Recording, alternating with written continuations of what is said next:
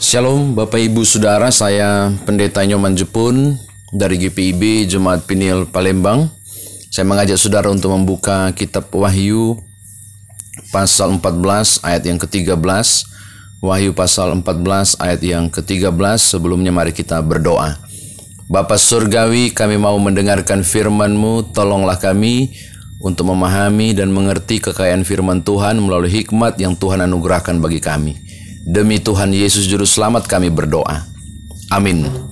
Wahyu pasal 14 ayat 13 firman Tuhan berbunyi demikian dan aku mendengar suara dari sorga berkata tuliskan berbahagialah orang-orang mati yang mati dalam Tuhan sejak sekarang ini Sungguh kata roh, supaya mereka boleh beristirahat dari jerih lelah mereka, karena segala perbuatan mereka menyertai mereka. Demikian firman Tuhan, saudara saya dikatakan berbahagia jika mendengarkan firman Tuhan ini, merenungkannya, memberitakannya, istimewa melakukan dalam kehidupan beriman kita. Bapak Ibu, saudara kekasih dalam Tuhan, saya percaya ketika kita berbicara tentang kematian, ketika topik kematian menjadi bahasan kita dalam kehidupan misalnya di rumah atau dalam pertemuan apa pun, uh, topik ini tidak menyenangkan. Mengapa? Karena kematian tidak ada yang bisa dibahas. Kematian adalah statis, tidak dinamis, tidak ada yang bisa diisi di dalamnya. Kematian adalah warna hitam, tidak ada warna lain yang bisa cocok dengan warna ini. Kematian adalah the selesai, tidak ada. Karena itu orang cenderung ketika menanggapi tentang kematian pasti berhubungan dengan kesedihan, rasa kehilangan, penyesalan, uh, menguras emosi. Jadi kematian adalah momok yang sangat menakutkan ketika dihadapi, termasuk ketika dibicarakan. Nah, benarkah demikian? Apakah kematian hanya identik dengan rasa kehilangan saja? Apakah kematian hanya identik dengan kesedihan dan duka? Apakah ke, uh, kematian adalah hilangnya seseorang, perginya seseorang yang kita sayang dan cintai? Apakah hanya itu tentang kematian? Hari ini saya mau berbagi firman Tuhan. Ternyata melalui wahyu di Pulau Patmos, Yohanes mendapatkan dari Tuhan ada perspektif lain tentang kematian. Bahwa ternyata kematian tidak melulu tentang kesedihan dan duka. Kematian tidak melulu tentang merasa kehilangan. Kita menemukan sesuatu yang luar biasa. Dia 13 saya bacakan. Berbahagialah orang-orang mati yang mati dalam Tuhan. Saudara lihat, ternyata ada perspektif baru tentang kematian. Bahwa kematian bukan cuma soal kesedihan, tapi ada hal yang baru, yaitu kebahagiaan. Wow. Wahyu memperlihatkan sisi yang baru. Bahwa kematian juga adalah sebuah kebahagiaan. Saya penasaran sehingga harus mengecek terjemahan Lembaga Alkitab Indonesia dan rupanya dia menggunakan istilah makarios. Dalam bahasa Yunani makarios, istilah ini sepadan dengan kata eser. Kata aser ini atau kebahagiaan juga artinya sebenarnya ada dua arti yaitu blessed blessed dan be happy atau diberkatilah dan berbahagialah. Memang ada dua makna dari kata makarios ataupun aser ini. Namun lebih dekat dengan kata berbahagia atau be happy, berbahagialah. Nah, Saudara, Orang tidak mungkin disebut berbahagia kalau dia tidak diberkati. Dan orang yang diberkati selalu berbahagia. Jadi ketika menyebut tentang kematian, ternyata ada warna lain. Bahwa kematian bukan hanya soal duka. Bukan soal kehilangan. Tapi ternyata sisi lain dari kematian adalah kebahagiaan. Kan itu mari kita legali, kok bisa kematian itu menjadi sebuah kebahagiaan. Kematian yang bagaimanakah yang sampai bisa disebut sebuah kebahagiaan? Bukankah kematian justru adalah kepedihan dan rasa kehilangan? Saudara, mari kita lihat lebih jauh bahwa ternyata tidak semua orang yang mengalami kematian itu disebut berbahagia. Enggak semua loh. Hanya orang tertentu, kelompok orang tertentu. Siapakah mereka? Saya bacakan, berbahagialah orang-orang mati yang mati dalam Tuhan. Garis bawahi kata dalam Tuhan. Jadi kebahagiaan, kematian itu adalah kebahagiaan, bukan cuma soal berpisah doang, membuat orang kesepian dan kehilangan, tetapi kematian adalah sebuah kebahagiaan khusus untuk orang-orang tertentu. Siapakah orang-orang tertentu itu? Mereka yang mati di dalam Tuhan. Perhatikan, mati dalam Tuhan. Filipi pasal 1 ayat 21 Paulus bilang begini. Bagiku hidup adalah Kristus dan mati adalah keuntungan. Maka kita bisa menghubungkan begini bahwa orang yang mati dalam Tuhan disebut berbahagia karena dia hidup dalam Tuhan. Sehingga kita bisa mengkategorikan begini, seseorang yang mati atau meninggal bisa disebut berbahagia, bisa disebut berbahagia apabila dia mati dalam Tuhan. Dan kategori seseorang disebut mati dalam Tuhan adalah kalau merujuk Filipi 1 ayat 21 tadi, berarti dia harus hidup dalam Tuhan. Maka gampang sekali mau cari tahu apakah orang itu mati dalam Tuhan cuma satu. Kalau dia hidup dalam Tuhan. Maka ketika saudara melihat orang itu hidup dalam Tuhan, berarti dia mati dalam Tuhan. Maka ketika dia meninggal, saudara harus, seharusnya memastikan wahyu ini. Dia pasti berbahagia.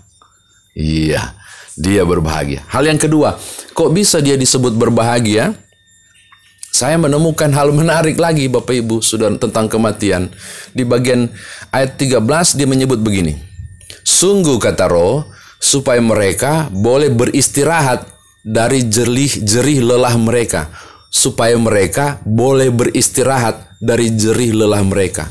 Ternyata kematian bukan cuma melulu bleng amin selesai kehilangan sedih uh, loneliness atau apa pun warna hitam tidak ternyata kematian itu anugerah oh Kematian bukan hanya Tuhan memisahkan saya dengan orang yang saya sayangi dan saya pedih dan saya kehilangan. Oh tidak Bapak Ibu.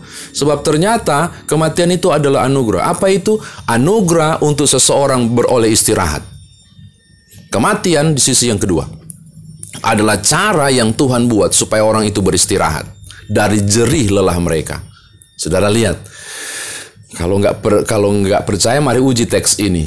Saudara silakan bayangkan, jika Tuhan tidak anugerahi, eh, tidak menyatakan bahwa kematian itu sebagai anugerah dan tidak menganugerahi kematian bagi seseorang. Sakit parah, udah sangat parah, dokter sudah hopeless, dokter sudah give up angkat tangan, tapi tidak pernah mati-mati. Dan dia sangat menderita luar biasa. Andai kata kematian tidak pernah disebut sebagai anugerah, saudara silakan bayangkan mereka korban perang. Tidak mengalami kematian, mengalami kesisaan yang cukup lama. Maka saya mau katakan kematian harusnya juga dilihat dari sisi yang berbeda, yaitu pemberian Allah. Anugerah bagi mereka yang membutuhkan. Apa kebutuhannya ketika mereka sudah lelah? Ketika menjalani hidup begitu lelah, begitu berat jalani kehidupan ini, Tuhan memberi waktu dan kesempatan untuk beristirahat melalui kematian. Makanya, ketika jalani kehidupan, kematian ini Kematian ini menjadi suatu anugerah. Lelah perjalanan, persoalan silih ganti dihadapi, sulit untuk menanggungnya, dan kita begitu lelah menghadapinya, Tuhan mengerti. Maka dianugerahi sesuatu yang luar biasa. Istirahat anakku, dari letih lesumu, dari lelah yang engkau hadapi, beristirahatlah. Dan kematian itu kemudian disebut sebagai anugerah. Terakhir, yang keempat saudara, perhatikan. Berita ini juga tidak hanya disampaikan kepada orang-orang yang sudah uh, saudara yang mengalami duka saja, tapi saudara yang mengalami duka plus saudara yang masih dianugerahi kehidupan. Ya dong, bahwa engkau yang masih hidup berarti masih dianugerahi kehidupan. Perhatikan baik-baik. Pada ayat yang ke-13 bagian akhir, karena segala perbuatan mereka menyertai mereka. Apa maksudnya?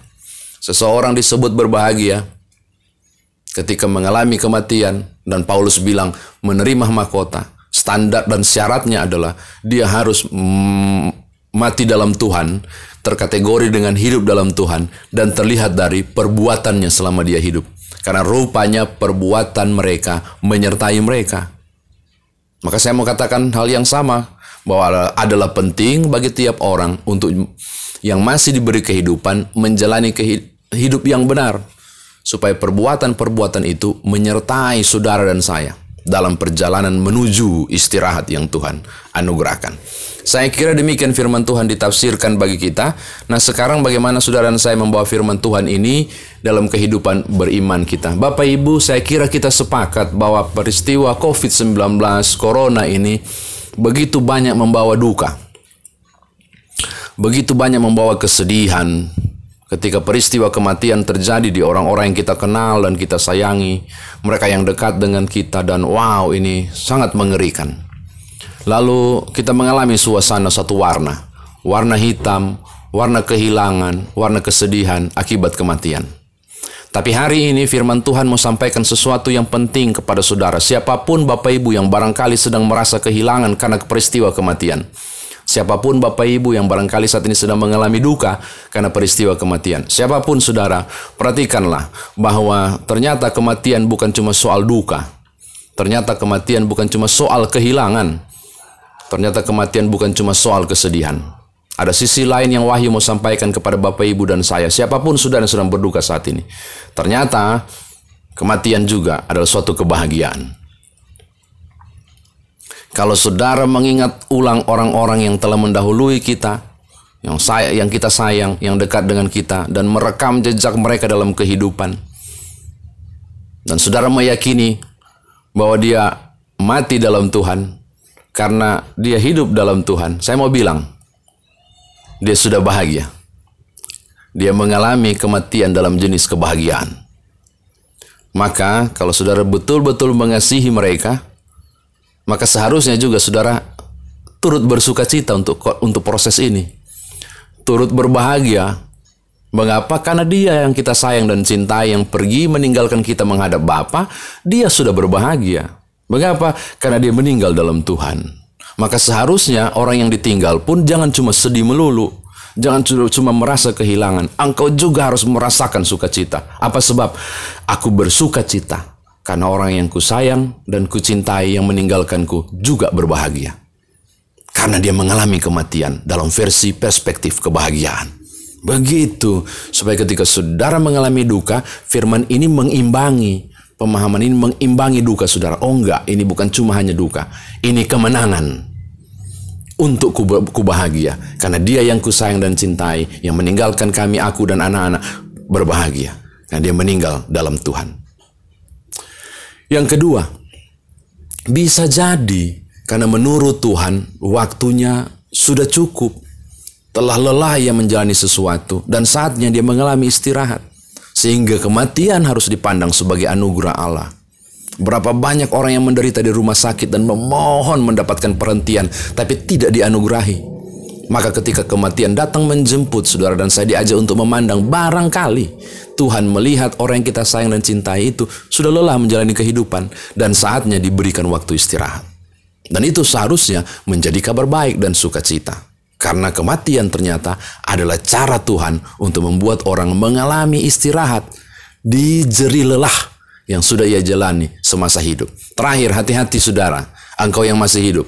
Mau diingatkan bahwa perbuatan-perbuatan kita menyertai kita ketika menuju kematian. Maka jalani hidup yang benar. Jalani hidup yang benar. Supaya sungguh kita mengalami jenis kebahagiaan dalam perspektif dari kematian itu. Tuhan berkati Bapak Ibu Saudara. Haleluya. Amin. Mari berdoa. Bapa kami bersyukur sudah mendengarkan firman Tuhan ini. Kami dikuatkan, kami diteguhkan kembali. Ajar kami ketika kami mengalami suasana yang tidak menyenangkan di tengah duka ini. Oleh karena kondisi COVID-19 ini misalnya, kami kehilangan orang-orang yang kami sayang dan cintai. Biarlah kami tidak larut begitu lama dalam duka, tapi kiranya kami dianugerahi sukacita untuk melihat melalui terang firman Tuhan bahwa ada kebahagiaan di balik kematian. Bukan cuma duka saja, bukan kehilangan saja. Bahwa mereka yang kami sayang dan cintai ternyata benar-benar mengalami kebahagiaan. Di kondisi ketika mengalami kematian karena dia telah hidup dalam Tuhan, dia meninggal dalam Tuhan. Terima kasih Bapak, hamba berdoa untuk semua upaya yang dilakukan para medis dan dokter, pihak pemerintah, aparat dalam rangka memutuskan mata rantai penyebaran COVID-19 termasuk kami yang berupaya berdiam di rumah, mengikuti protokol dan menyiapkan diri dalam kondisi-kondisi terbaru saat ini. New normal yang kami sedang berupaya untuk menyesuaikan diri, tolonglah kami agar semua proses ini juga dapat berjalan dengan baik. Pulihkanlah negeri ini. Kasihanilah kami Biarlah kondisi ini makin hari kemudian semakin membaik. Karena Tuhan menolong berbagai pihak termasuk kami untuk menjadi kawan sekerja Allah menghadapi kondisi ini. Dengan keyakinan Tuhan tidak meninggalkan kami. Terima kasih Bapak terpujilah namamu. Ini doa kami demi Tuhan Yesus Juru Selamat. Kami berdoa. Amin.